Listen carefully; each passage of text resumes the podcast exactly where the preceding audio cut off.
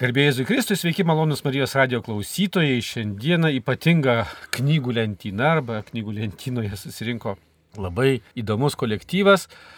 Ir švenčiant gegužės pradžioje tikrai nuostabės šventes. Ir motinos dieną, ir Marijos mėnesio pradžią. Ir ypač šį kartą mums svarbi spaudos laisvės ir knygos diena, spaudos atgavimo diena. Šiandien mūsų studijoje su mumis bendraus jau dviejų knygelių, galim sakyti, ir turbūt ir serijos knygų autorė sesuo Danguolė Gervytė. Sveiki. Taip pat du kunigai Andrius Končius ir Nerijus Pipiras, kurie Sveiki. yra Adelės Dirsytės betifikacijos bylos postulatoriai ir vicepostulatoriai. Ir prie mikrofono Darius Chmeliauskas, Artumos leidyklos vadovas, nes Artumos leidykla turėjo džiaugsmą ir garbę išleisti šitas knygas, kurios, galim sakyti, kaip kokią prisirpę baisiai mums nukrito į rankas. Ir mes tikrai džiaugiamės išleisdami prieš metus pirmąją knygelę Kronika slaptos knygos istorija. Šiemet ankstyvą pavasarį Adelė slapta vaikų draugė. Ir kaip jau išdaviau, ar ne, kad tai yra serija, kuri pavadinta Perskaitęs duok kitam, yra aiški iliuzija į sovietmečių okupacijos pogrindžio sąlygomis ėjusios Lietuvos katalikų bažnyčios kronikos devizas, toksai moto ar ne kvietimas toje spaudos laisvės visiškom vakume, ar ne, skaityti, dalintis ir skelbti tieso žodį. Tai dėl to šitos dienos mums yra taip pat labai svarbios, kai mes prisiminam tą spaudos laisvės atgavimą. Ir dėl to pirmiausiai prašau sesers Danguolės, kuri, na, galim sakyti, tikrai yra kaltininkė ir šitos serijos, ir šitos konkrečios knygelės Adelė, slapta vaikų draugė, apie kurią šiandien daugiausiai kalbėsim. Bet pirmiausia, Danguolė, išduok, na, vis tiek, kaip prasidėjo šita serija, ar ne, šitas serialas, šitą gal net ir epopėją, tu ją turbūt ilgai brandinai, sugalvojai ir audį, ar, ar kaip čia atsitiko? Man labai patinka, kai tu vadini serialu. Tai tikiuosi, kad ta serija, tas mūsų serialas susilauks tokio populiarumo, kaip serialai susilaukia, kai žmonės laukia, vis kada naujas sezonas bus. Tai iš tikrųjų gal viena vertus buvo brandinta, bet iš kitos pusės tai įvyko taip gana netikėtai. Viskas prasidėjo su knygelė apie kroniką, kuomet pandemijos kontekste per, žodžiu, tokį labai nuobodų, monotonišką laiką man paskambino Diana Domaitinė iš Katalikų bažnyčios kronikos fondo vadovė ir sako, Danguolė, gal tu galėtum ką nors parašyti vaikams apie kroniką. Ir tokiam labai kontekste, kai rašiau kažkokias ataskaitas tuo metu, kai jį paskambino, labai gerai prisimenu, aš jai sakiau, o kodėlgi ne. Paskui jau kai padėjau ragelį, galvojau, Dieve mano, tai kam aš čia pasižadėjau ir ką mes čia dabar rašysim. Bet paskui kažkaip pradėjau rutuliotis tą mintis, bendradarbiaujant su dailininkė Juratė Tamušiūnaitė Karašauskienė. Gimė tokios vat knygelės vizija, kurios tekstas būtų nedidelis, vaikiškas, toks pasakojantis ir kuri būtų iliustruota. Ne visiškai komiksai, bet kuri būtų iliustruota, kuri dialogai irgi persikeltų kai kurie į iliustracijas. Tai ne pačiam tekste dialogas, bet jis jau yra veikėjai kalbasi iliustracijoje. Taip pat būtų skireliai ten tam tikri ir tam tikras stilius tos knygutės. Tai nuo to prasidėjo kronika ir mes tada tikrai negalvojom apie jokią seriją Tik tai baiginėjant kažkaip kilo noras užrašyti kamputėje, perskaitęs duok kitam, kai buvo užrašyta Kronikos kiekvienam numerį. Taip, kiekvienam numerį. Ir paskui prisimenu per vieną zumą su Juratė ir Diana, sakom, bet čiagi kaip serijai pavadinimas, tai uždėkim, o gal gausi serija. Nu, nesigaus, tai čia bus tiesiog kaip kronikos pavadinimo dalis. Tai čia taip tas serialas prasidėjo. O apie Adėlę Dirsytę, tai man ta mintis sukėsi taip galvoje seniai, nes mes kongregaciją organizavom tokią piligriminę kelionę jauniems suaugusiems į Sibirą. Važiavom į Vorkutą ir ten aplinkui, po Komijos Respubliką, Intą, Pečiorą ir taip toliau. Ir buvom sustoję ir Čiume, kur yra pirma Adėlės tremties vieta tuo metu aš kaip tik buvau pradėjus dirbti mokykloje, kažkaip skaičiau apie Adėlę ir man toks buvo ir toks asmeninis santykis, asmeninis įkvėpimas. Ir, ir tada kilo mintis ten vaikštant per tą tundrą tarptų berželių kerūžių, kur ten reikia kojas aukštai kelt, kad nepargriūtum. Tai mes ten su keletą bičiulių, su kuriais kartu keliavom, galvojom, o kaip būtų gerai kažką parašyti šio laikiškai apie Adelę, kuri būtų, na, toksai populiari tokia literatūra, populiariam skaitimui. Tai gal tada ne tiek daug galvojam apie vaikus, bet bendrai galvojam apie kažkokį tai leidinį adeliai. Bet paskui, aišku, kol nėra kažkokio konkretaus pasiūlymo, tai gyvenimas ir visi darbai kažkaip nuneša tave, tai vad, Adelė laukia dešimt metų. Bet paskui ta Adelė gimė kažkaip labai greitai, ne, nes įvyko tie kronikos metai ir paskui kažkaip, kaip knygos gimimui, tai čia per keletą mėnesių jinai praktiškai užgimė matosi, kad buvo turbūt subrandinta. Tai tikriausiai, nes iš tikrųjų aš irgi turėjau nemažai medžiagos ir buvau skaičius apie Adelę. Turiu jai tokią labai asmeninę simpatiją, gal kaip mokytoja, gal kaip moteris. Ir man kažkaip labai lengvai rašėsi, rašiau aš pernai atostogaudama prie jūros. Tai taip, nu, net nejutau, kad čia labai darbas. Aišku, paskui būna kitas darbas, kai prasideda maketavimas ir kai kuriuos dialogus, kai kuriuos ten langelius reikia perkelti jau visai kitaip, tada braukosi, trumpinasi ir taip toliau. Mm. Aišku, na, dar čia reikėtų irgi išduoti turbūt, kad viešpats pasinaudoja irgi tokiamis mūsų dovanomis. Nežinau, ar daug kas žino, kad sesuo Danguolė Gervytė, kur yra Nunai Asamsoniščių kongregacijos labai didelė aukšta vadovė, net gyvenanti nebūtinai Lietuvoje keletą metų, kol pabaigs savo kadenciją ir dabar čia mus tik tai aplankanti. Ir kad prieš tai e, jinai buvo Teofiliaus Matulionio gimnazijos direktoriaus pavaduotoja ir mokytoja. Bet dar prieš tai ji buvo... Praeitam gyvenime. Praeitam tūkstantmetyje jinai buvo aktyvi žurnalistė, jinai net yra profesionaliai žurnalistė, baigusi žurnalistikos studijas ir buvo tokių žurnalų kaip Liuks, kaip Žemės druska, kaip Sandora, Sandora bendradarbė ar, ar net ir darbuotojai, redaktoriai ir, ir autorė. Taigi viešpas paskui atgaivino ir, ir tavo šitas dovanas, kurias, matyt, giliai neužkasi, nepaslėpiai. O dar ir panaudojo vat, dabar tavo jautrumą mokiniams ir mokyklai. Na gerai, tai dabar eikim dar prie mūsų vyrukų.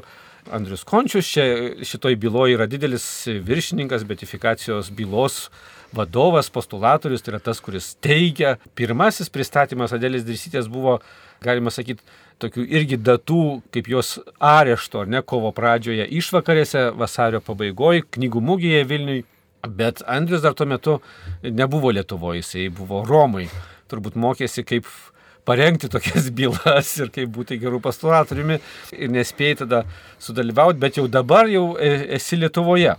Taigi ir e, išduo galbūt, ar tikrai tenai Romoje pats e, mokėsi, kaip tokias bylas vesti, jas prižiūrėti, ar dar ir kitų studijų turėjai ir paskui apie konkrečią šitą dėlės galbūt bylą pakalbėsim. Mhm. Kunigas Andrius Končius. Taip, tai tikrai Romoje jie ruošia būtent specializuotai šitam darbui su beatifikacijos bylom.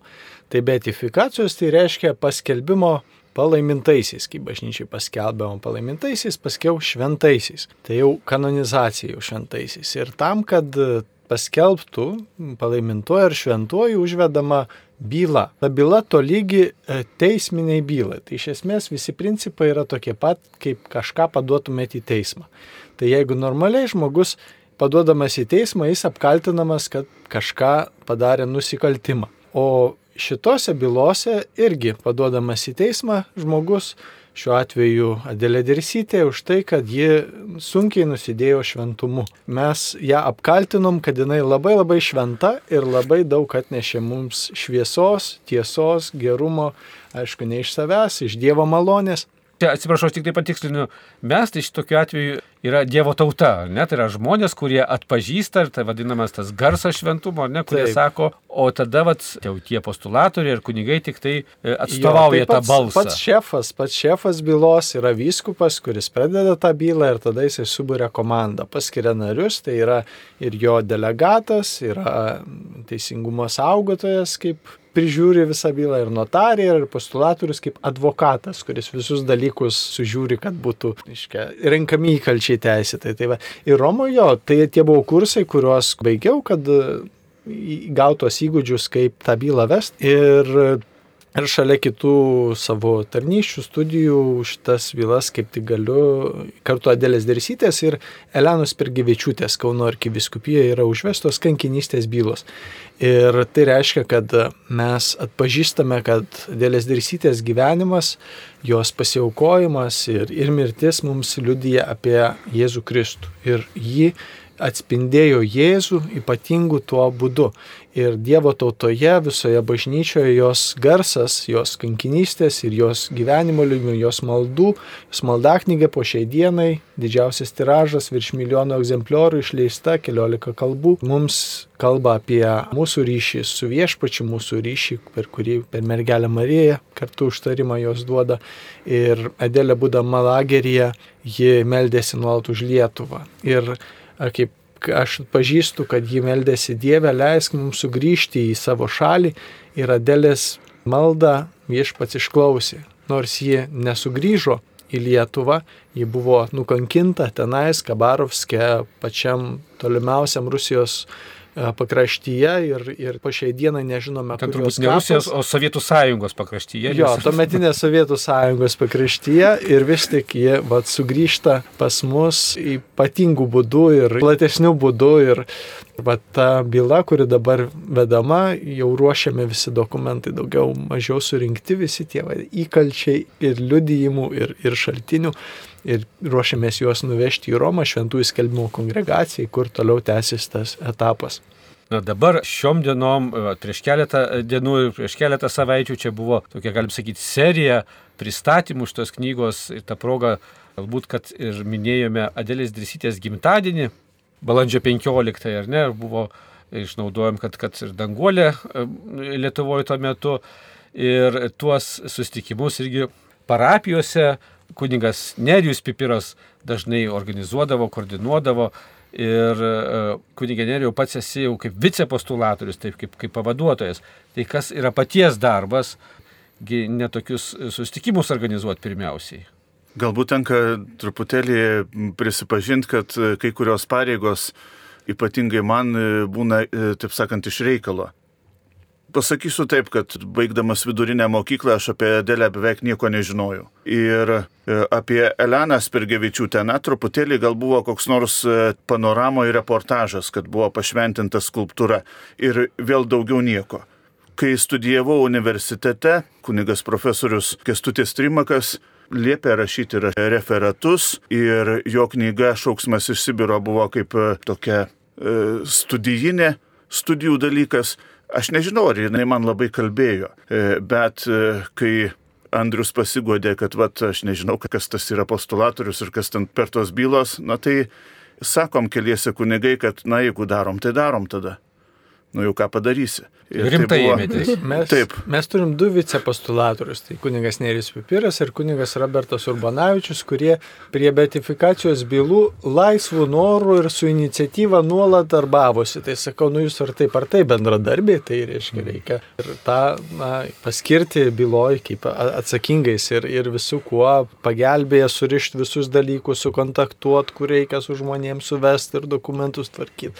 Tai kaip sakyt, visą komandą esam, kurie, nes darbų labai, labai daug, atrodo čia, kiti žmonės sako, kodėl vat, tiek užtrunka, kodėl, tai įsivaizduokim kokią nors didelę sunkę bylą, kur daug visokių iškeliudininkų, kur yra kontroversiškų gal kažkokių nuomonių, vėl kažką reikia visus įrodymus surinkti, susisteminti, paruošti ataskaitą. Ir veiksmas reikia... vyko prieš 50, 60, 70 metų. Ir surinkti visus įkalčius ir juos sudėti sistemiškai ir tam gaunasi tūkstančiai puslapių ir juos visus tvarkingai reiškia sureikiuoti. Ir tai vis tik yra ir kelių žmonių komanda ir tą dirbam, va, ir Nerijus.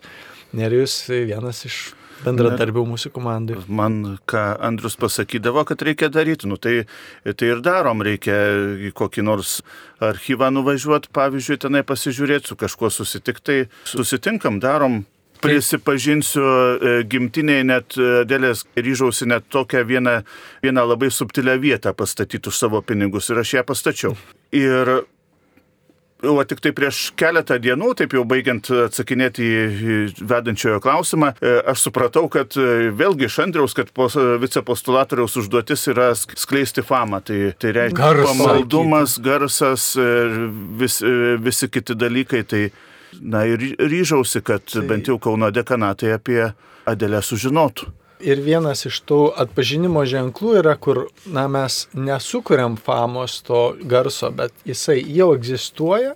Ir tokia kaip vienas iš tų ženklų yra štai ši knygelė, kuri atsirado, kuri man buvo kažkuria prasme šokiravo mane kad taip aiškiai, taip gražiai su viskuo ir su tais žodžiais, kurie išrinkti ir matosi pasverti ir, ir tos nuotraukos, kurios labai labai kalba į, į mums į gyvenimą. Ir aš irgi įsivaizduoju, kaip vaikams ar neatsivertus mato mato vagoną ir, ir ten keliaujančius gyvuliniam vagone tuos kalinius kalinės ir, ir, ir, ir kažkas masto apie apelsinus, ar ne, o ten jie neturi nieko ką pavalgyti ir tai kalba labai, nu taip iškalbingai.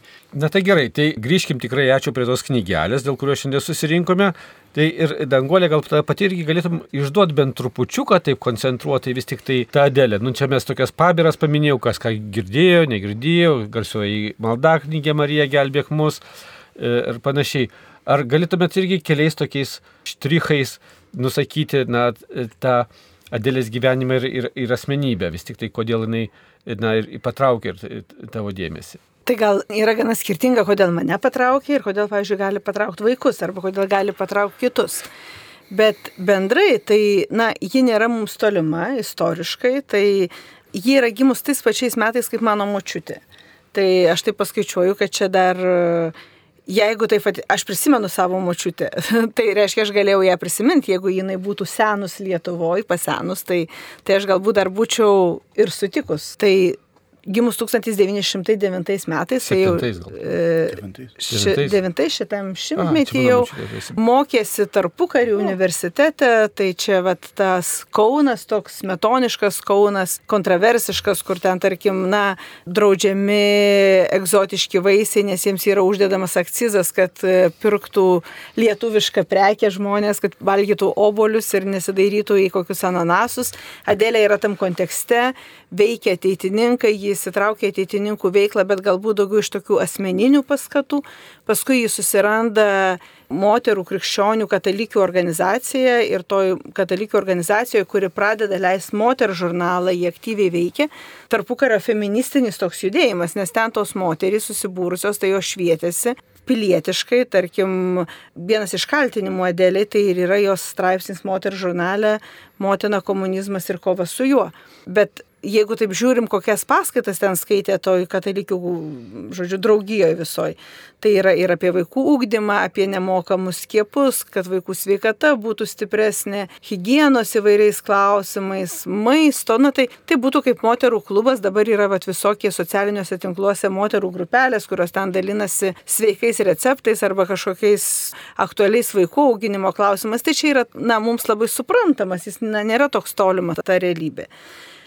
Tremtis tai dar mūsų šeimos irgi yra, jeigu netiesiogiai, tai per antrą kartą dar yra paliestos tremčių. Netgi jeigu vaikus, va dabar mes pristatymuose klausinėjome, ar jie žino, kas buvo tremtis, tai vaikai dar sako, mano ten prosenelė buvo išvežta į Sibirą. Tai jie dar turi kažkokį tai na, tokį asmeninį, asmeninę istorinę patirtį, kuri jiems rezonuoja. Aha, čia tikrai, vat, man pasakojo tėvai, kad ten močiutė ar, ar, ar gal daugiau prosenėlių jau vaikams dabartiniams buvo ištremti. Ji buvo mokytoja, tai vėl mes suprantam, kas yra mokytojas, yra lengviau suprasti, negu kas buvo kunigaikštis koks nors, arba lengviau suprasti, negu kas buvo kokia maldinga moteris, kuri ten slaugė raupsuotusius, tai jos ta gyvenimo žmogiška patirtis yra mums artimesnė. Ir ne kokia vienuolė, atsiskyrė. Ir ne kokia vienuolė, kur nežinia, ką ten veikia. tai tikrai, tai mums ją pristatyti yra taip gana aišku, apie ką mes čia kalbam. O jos tos skelbiamos vertybės, tai yra, na, va, vilties mokytoja, ar ne, tremties metais, visi liūdimai apie ją pasakojo, kad ji labai palaikė viltį ir dvasę tas maldaknygių rašymas, kuris ją padarė garse, tai čia nedirsytė sugalvojo, tos maldaknygės egzistavo. Apskritai yra labai įdomus fenomenas, kad rimties metu žmonės leidžia knygas. Staiga prireikia knygų sunkiom sąlygom. Ir rašo, rašo eilėraščius, rašo maldas, užrašinėja dainas. Ir aš dar pamenu, prieš vienas jaunimo dienas, panevežio jaunimo dienas, aš kalbinau dar tokią močiutę, tada aš dar dirbau žiniasklaidoje, kalbinau tokią močiutę, kuri buvo buvus jos mokinė žodžiu, jos mokinė, kalėjo kartu su ją Magadanė ir laikė save jos mokinė, nes ji mokydavo jas ten vokiečių kalbos šiek tiek ir, ir bendrai tokio vat, bendro, bendro išsilavinimo. Tai ta močiutė pasakojo, kaip e, gyvai, taip kaip jos ponarais palindusios ten rašydavo tas maldaknygės. Ir kaip vieną kartą gegužės mėnesį Adelė klausė, ar prisimenat Marijos litaniją. Ir sako, mes visos taip po kokią eilutę, po kokią vieną kitą invokaciją liktai bandėm atgaminti ir mes ten surašėm, gal ir neįlės tvarka, bet tarsi atkūrėm bendrą tokią kolektyvinę atmintį. Tai irgi rodo, kad kankinimo sąlygom yra labai svarbus tas užrašytas žodis, nes kai žmogus dėl kančių tarsi praranda atmintį arba praranda tokį šviesų protą, jis gali atsiremti į tai, kas parašyta. Tai čia mums irgi, na, tokia žinutė, mes dabar labai taip kalbam apie spontanišką maldą, bet kartais tiesiog reikia atsiremti į tai, kas parašyta. Nes iš tikrųjų ta pati Marija gelbėk mūsų maldaknygė nieko ten ypatingo. Ten labai paprastos tradicinės bažnyčios maldos, litanijos, tradicinės maldos Marijai, sąžinės sąskaita, atgailos aktas, tai čia atrodo, na, nieko jinai neišgalvojo, ji užrašė tai, ką kartu su tom kalinčiom merginom galėjo atsiminti iš savo tikėjimo, kažkokios patirties tikėjimo mokymo. Ir tai buvo vertybė. Kunigė Nerijau, kadangi mes mėgstam visokias datas ir sukaktis, jūs ką tik minėjot, kad ir tos maldaknygės yra kažkokia sukaktis, ar ne? Na, prieš ar tai 70 metų dabar skaičiuojama, kad neišėjo pirmą kartą jau laisvam pasaulyje. Aš manyčiau, kad ta jos išleidimo data yra simbolinė. Viena vertus, na, truputėlį gal sakytume taip, nu, šiek tiek šventai pakritikuojant, pritempta, kadangi Adelė visada orientavosi į laisvą tėvynę. Ir maldaknygė datuojama 1953 m. vasario 16 d. kai Lietuva mini savo nepriklausomybės metinės, kaip tik buvo tuo metu 35-osios nepriklausomybės metinės, tai lik ir išreikštas ilgesys, kad vis tiek ta žemė kada nors bus laisva ir kartu galbūt net ir toks eskatologinis pagrindas, kad mes keliaujam į dangišką tėvynę, kur visi mes busim laisvi. Taigi iš tikrųjų, jeigu kalbant apie tai, kas užrašyta toj mažoji maldaknygė, tai yra 1953 m. vasario 16 diena. Tai e, mes šiemet minim ir šitos e, maldaknygės, tai yra didžiausių tiražų leidžiamo leidinio 70-metį. Kunigė Andriau, nors byla, betifikacijos byla ir šventumo bylos yra tam tikro ne, teisingumo nenustatymas, atstatymas, nu, vis tiek teismas bylos tai yra tas teisingumo konstatavimas ir jisai na, konstatuoja galiausiai, ne, kad, kad tas žmogus, kaip jūs čia sakot, taip apkaltintas e, šventumu ir bus įrodyta, kad, kad jisai buvo šventas, bet vis tiek greta to teisingumo turbūt yra na, labai svarbus aspektas tų bylų suprasti, kodėl ta byla, arba paprasčiau šnekant, kodėl tas žmogus jo šventumas yra jo gyvenimas mums šiandien svarbus. Ne, ką jisai mums šiandien kalba. Na tvarkoj galbūt buvo tuo laiku jis gyveno ypatingose aplinkybėse, ypatingomis sąlygomis, ypatingoje istorijos kažkokiai atkarpoj. Na tvarkoj, bet mums šiandien yra visai kitos aplinkybės, visai kitoks gyvenimas, kitokia dinamika. Ir mums mūsų, vats, tam kasdieniam gyvenimui, krikščioniškam gyvenimui, šventam gyvenimui, jisai galbūt nu, nėra tas, kuris prakalbina, juk mes nesam dabar lageryje, turim spausdintų maldaknygių, turim laisvę, apelsinai net ir, ir be akcizo, tik tai degalai, alkoholis ir, ir, ir, ir cigaretės su akcizu. Tai gal mums tai nėra taip labai jau ir svarbu, gal čia tik tai toks istorinis dalykas. Yra sakoma, kad iš, iš istorijos besimokintys žmonės e, daug šviesiau kuria ateitį. Ir vis tik Adelės gyvenime kaip ir kiekvieno mūsų, yra keli nekintami dalykai, su kuriais kiekvienas susidurime. Adelę mes vadiname, taip atpažįstame, jai galime prikabinti arba pridėti jai tokį pavadinimą kaip vilties mokytoja. Kaip ta, kuri mus moko vilties. Aišku, mus moko vilties visų pirma pats viešpats, jo evangelija ir, ir jinai yra vilties evangelija. Bet Adėlė Drisytė per savo gyvenimą mums perdavė šią vilties žinutę ypatingų būdų. Ir viltis yra kiekvieno mūsų gyvenime labai svarbi, bet kuriame laikmetyje ir bet kokiomis aplinkybėmis. Ir Adėlės gyvenime tie nekintami dalykai, kas yra? Dievas, kurio kiekvienas akivaizdoje mes esame, gyvenimas, jo iššūkiai, rūpešiai, sunkumai, kentėjimai, su kuriais susidurime mes kiekvienas turime eiti per savo gyvenimo kelią su savo iššūkiais, sunkumais ir kentėjimais. Ir kai pažvelgiame į Adelę ir tai, kaip ji susitiko savo gyvenimo iššūkius, savo gyvenimo rūpeščius, būdama mokytoja, būdama organizacijų narė, ateitininkė, katalikų moterų draugijos narė, kaip ji nešė tą savo na, žmogišką liudymą ir paskiau kaip jinai nešė tą viltį kartu kalėjusiam lageryje ir, ir įveikdavo savo kentėjimus ir sunkumus, su malda, su burdama bendruomenė tenais, atpažįstame tam tikrą paskatą ir kiek sutikau žmonių, kurie pasakoja, skaitė iš tikrųjų tai, ką Adėlė praėjo ir suteikė viltį, ypač mokytojams,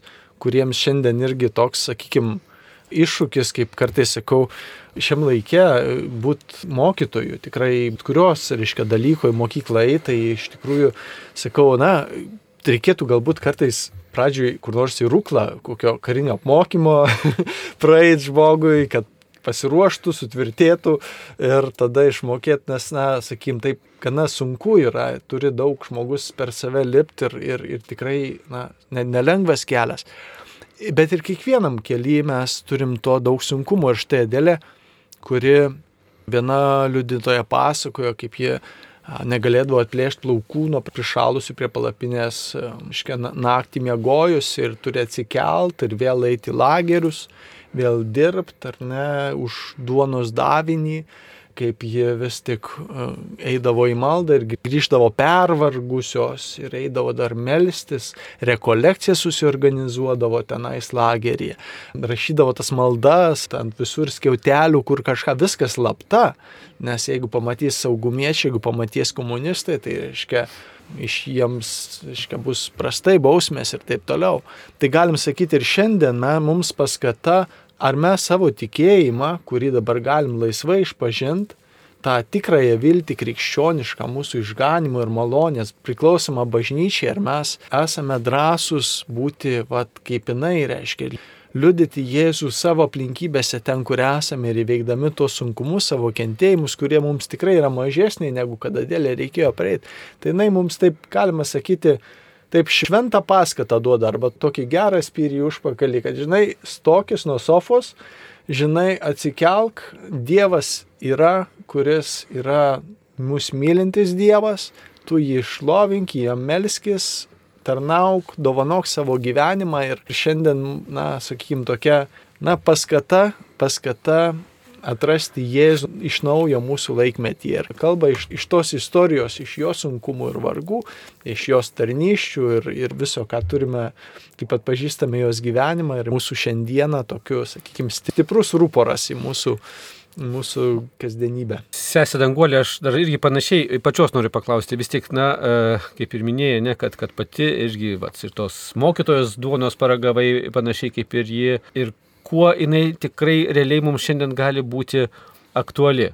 Ką tik irgi Artumos gegužės numeriai parašė labai irgi įdomų tekstą apie Adelė Dirsytė ir motinystę, ne? nes net irgi čia paminėta, ne, kad, kad jos kaltinamasis aktas jau toj byloje, už ką jinai na, buvo ištremta, pasodinta ir galiausiai nukankinta, na, iš esmės dėl to, kad jinai pasisakė apie motinystę, apie moterystę, apie moteris. Ne?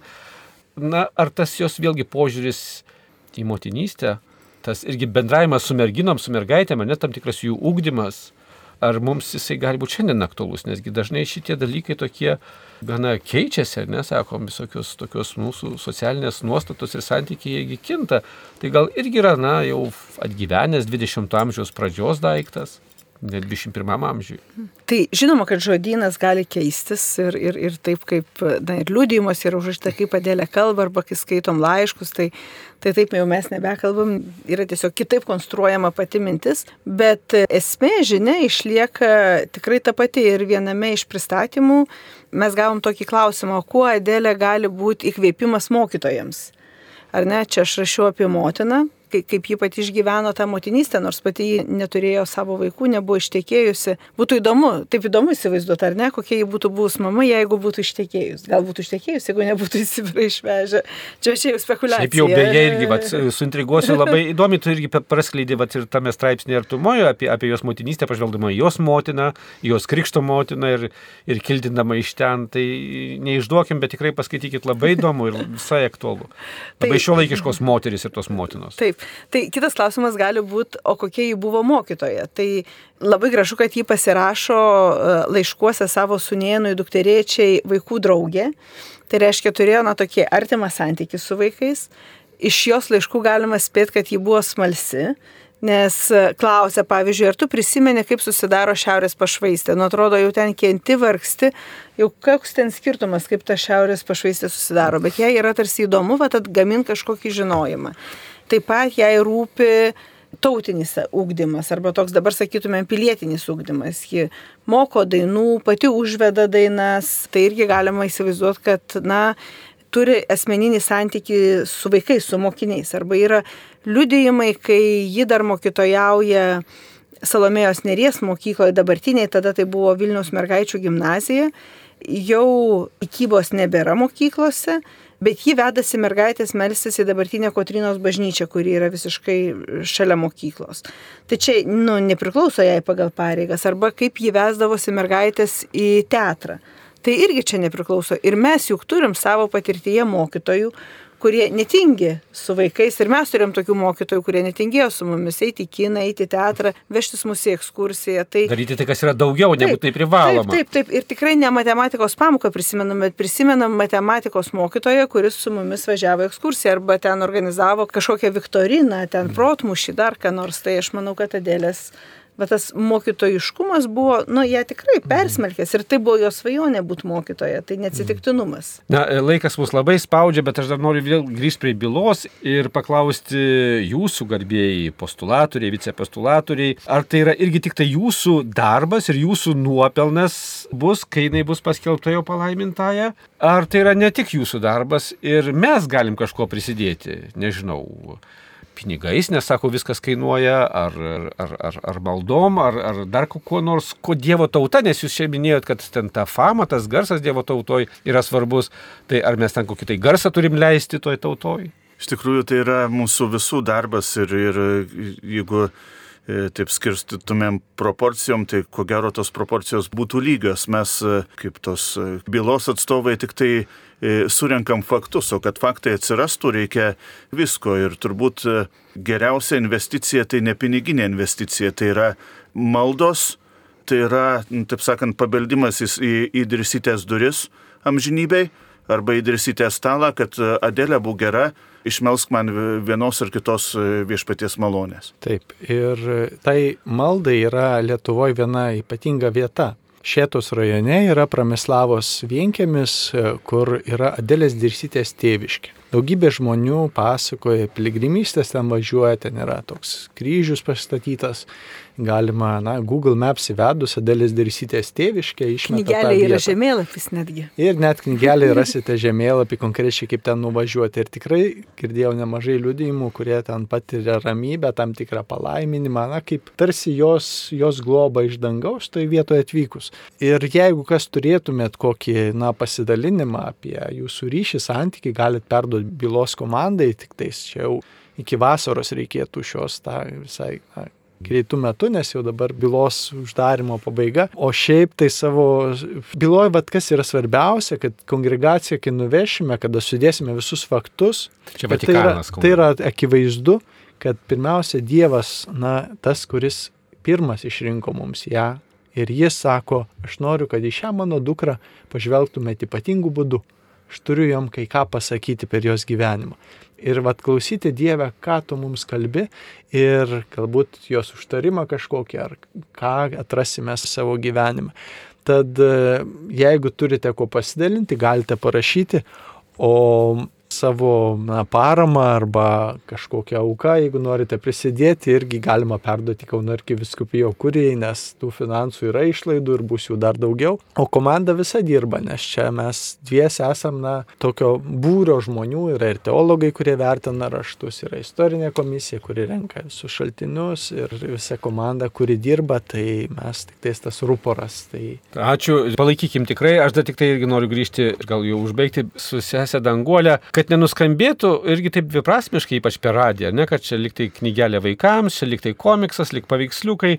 Iš tiesų tai nėra e, vien vaikams, kaip ir nėra vien tai komiksas. Tas labai žavu, kad ir, ir žanro požiūriu toks, na, vad, gana unikalus. Ir to adresato požiūriu nėra tai tik tai vaikams. Ne, ne, ne, tai yra, mes kaip tik dažniau sakom, kad tai yra knygelė šeimai, knyga šeimai, dėl to, kad e, šiaip mūsų tikslas yra išlaikyti ir istorinius faktus tikrus, tai jeigu ir yra kažkas sukurta, tai daugiau tokia kaip interpretacija realių buvusių įvykių. Tai aišku, mes dialogo nežinom, apie ką kalbėjosi su Dovydaičiu, tarkim, Adelė. Tai scena gali būti, kad jie susitinka kavinėje ir tenai geria arbatą, bet tai nereiškia, kad to nebuvo. Kitas dar toksai svarbus elementas tai, kad yra tikros istorinės nuotraukos, kuriuose yra dalis nuotraukų yra perpiešta, dalis yra tiesiog paimtų iš archyvo, iš betifikacijos tos bylos, šeimos archyvų, kur galima atpažinti Adelę masinėse scenose arba tokios asmeninės nuotraukos. Tai tas istorinis faktiškumas jis yra tikrai išlaikomas. Tikrai labai įspūdinga, kada žmonės bet kokio amžiaus ir išsilavinimo vis tiek gali ją tikrai skaityti su susidomėjimu. O tada visai pabaigai, na, grįžkim prie to serialo, kuris, sakyt, tave, tave patinka. Ar išduotum, e, ar ne, ar tai e, vis tik tai bus dviejų serijų filmą, ar, ar daugiau serijų ir ar apie ateinančią trečią seriją galėtum išduoti? E, tai, taip, tai, na, tai čia ne serialas dviejų dalių, dviejų dalių tai geras filmas. Tai jeigu jau taip taikomi serialą, tai trečias sezonas bus rugsėjo mėnesį, kaip tik Šilovos atlaidam. Tai galite spėti, jeigu tai bus Šilovos atlaidams, tai bus apie Šilovą. Iš tokių dviejų dalių ta knygelė iš vienos pusės ir iš kitos vartysis ir bus istorija Šilovos, ta senoji istorija ir visas apsireiškimas, skrynė ir taip toliau. Ir kita dalis, e, kadangi mūsų ta serija knygų, tai vadinasi perskaitęs duok kitam, tai reiškia neginkluotas pasipriešinimas, e, tas kovos už laisvę. Kita pusė tos knygelės bus apie Euharistijos bičiulių piligriminės kelionės į Šilovą sovietmečių persekiojimus, keulių marus, ten tardymus, vaikų suėmimus ir taip toliau. Tai, tai tikrai jau kviečiu važiuoti į Šiluvą ir pirkti tą knygelę. Na, ačiū labai. Iš tiesų smagu, kad galim šiais laikais na, prisiminti tą pasakymą, perskaitęs duok kitam. Bet šiais laikais dar reikia pasakyti, mes nu, nusipirkęs ar ne, nusipirk ir padovanok kitam, ar ne, nes čia tuomet, kai nebuvo įmanoma atsispausinti ir gauti nusipirktą, nes mes tuomet dalinomės kronikomis, tomis pagrindinėmis, bet, bet tas kvietimas Na tikrai be galo gera ir man kaip, kaip vat, leidyklos vadovui, kad šitokius perlus galime ištraukti ne tik iš vat, istorijos, bet ir jos pateikti labai e, aiškiai ir kokybiškai. Tai, tai mums tikrai yra labai smagu ir galiu tikrai dėkoti, ne, kad, kad tokius gerus dalykus galima padaryti taip gerai, kokybiškai. Ačiū. Ir labai, labai ačiū, kad jūs to ėmėtės. Kita vertus irgi labai čiugu, kad na, mes šituo, ar ne, ir savo vats, tas šaknis atpažįstam, puoselėjam, ne tai, ką popiežius Pranciškus mus irgi tai kvietė prieš tos lygiai penkerius metus, kai čia lankėsi Lietuvoje, ne kad pažinkit, nebijokit pažinti, atrasti tą savo šaknis, jis kvietė nuo pat pirmo susitikimo, susitikęs ten su visokiais inteligentais, politikais, diplomatais, daug ataša. Paskui ir jaunimui pakartojo ir tas kalbėkite su savo senoliais, ar ne, ir, ir, ir tai, ką sakai, kad tai Adelė Dirsti yra, na, ir, ir mano senelės visiškai amžiaus, ir dabar vat, tikrai ją įsivaizduoju kaip, kaip, kaip tikrai savo senelę, bet išlikusią tokią jauną ir kuri pasakoja tau apie tai, ar, ar net ir tuo pačiu vat, tas... Man, viskupų susitikimas ir pietus, sako su popiežium Pranciškum čia Kaune po Santakos mišių, kad jis irgi taip pat ir viskupus ragino, drąsino, judino, kad jūs judinkite savo betifikacijos, kanonizacijos bylas, jos, jūs tikrai turit ką tas šaknis. Ir labai smagu matyti, kad na, va, tikrai juda ir, ir viskupai skiria ir, ir postulatorius, ir vicepostulatorius, ir, ir, ir, ir tas bylas judina kad mes tikrai atrastumėm tas savo šaknis, kurios stiprina mus šiandienai, ne, kad, kad, kad mūsų gyvenimas šiandien, kai švenčiam ir, ir tas spaudos atgavimo knygos dieną, kad tikrai prisimintumėm, kad tai nebuvo akivaizdybė laisvės žodis ir, ir knygos, ar ne? kad ta knyga ne tik knygnešių, bet va štai, ar ne, ir tremties akivaizdoje buvo koks labai svarbus dalykas, ir išgyvenimui svarbus dalykas. Na ir, ir kaip svarbu va, tas motinystės išgyvenimas, švenčiant ir dabar ta, ir, ir motinos dieną, ir, ir Marijos mėnesį, kad, kad šitokie pavyzdžiai kurie gali būti kaip padėlė darsytė mums ir, ir motinystės pavyzdys, ir, ir to pasidavimo Marijos globai pavyzdys. Tai labai ačiū, kad jūs tai darot, tikimės tos knygelės ir tas serialas padės daugeliui ir to linki mūsų myliems Marijos radio klausytojams. Ačiū Jums už pokalbį. Sudė. Sudė. Sudė.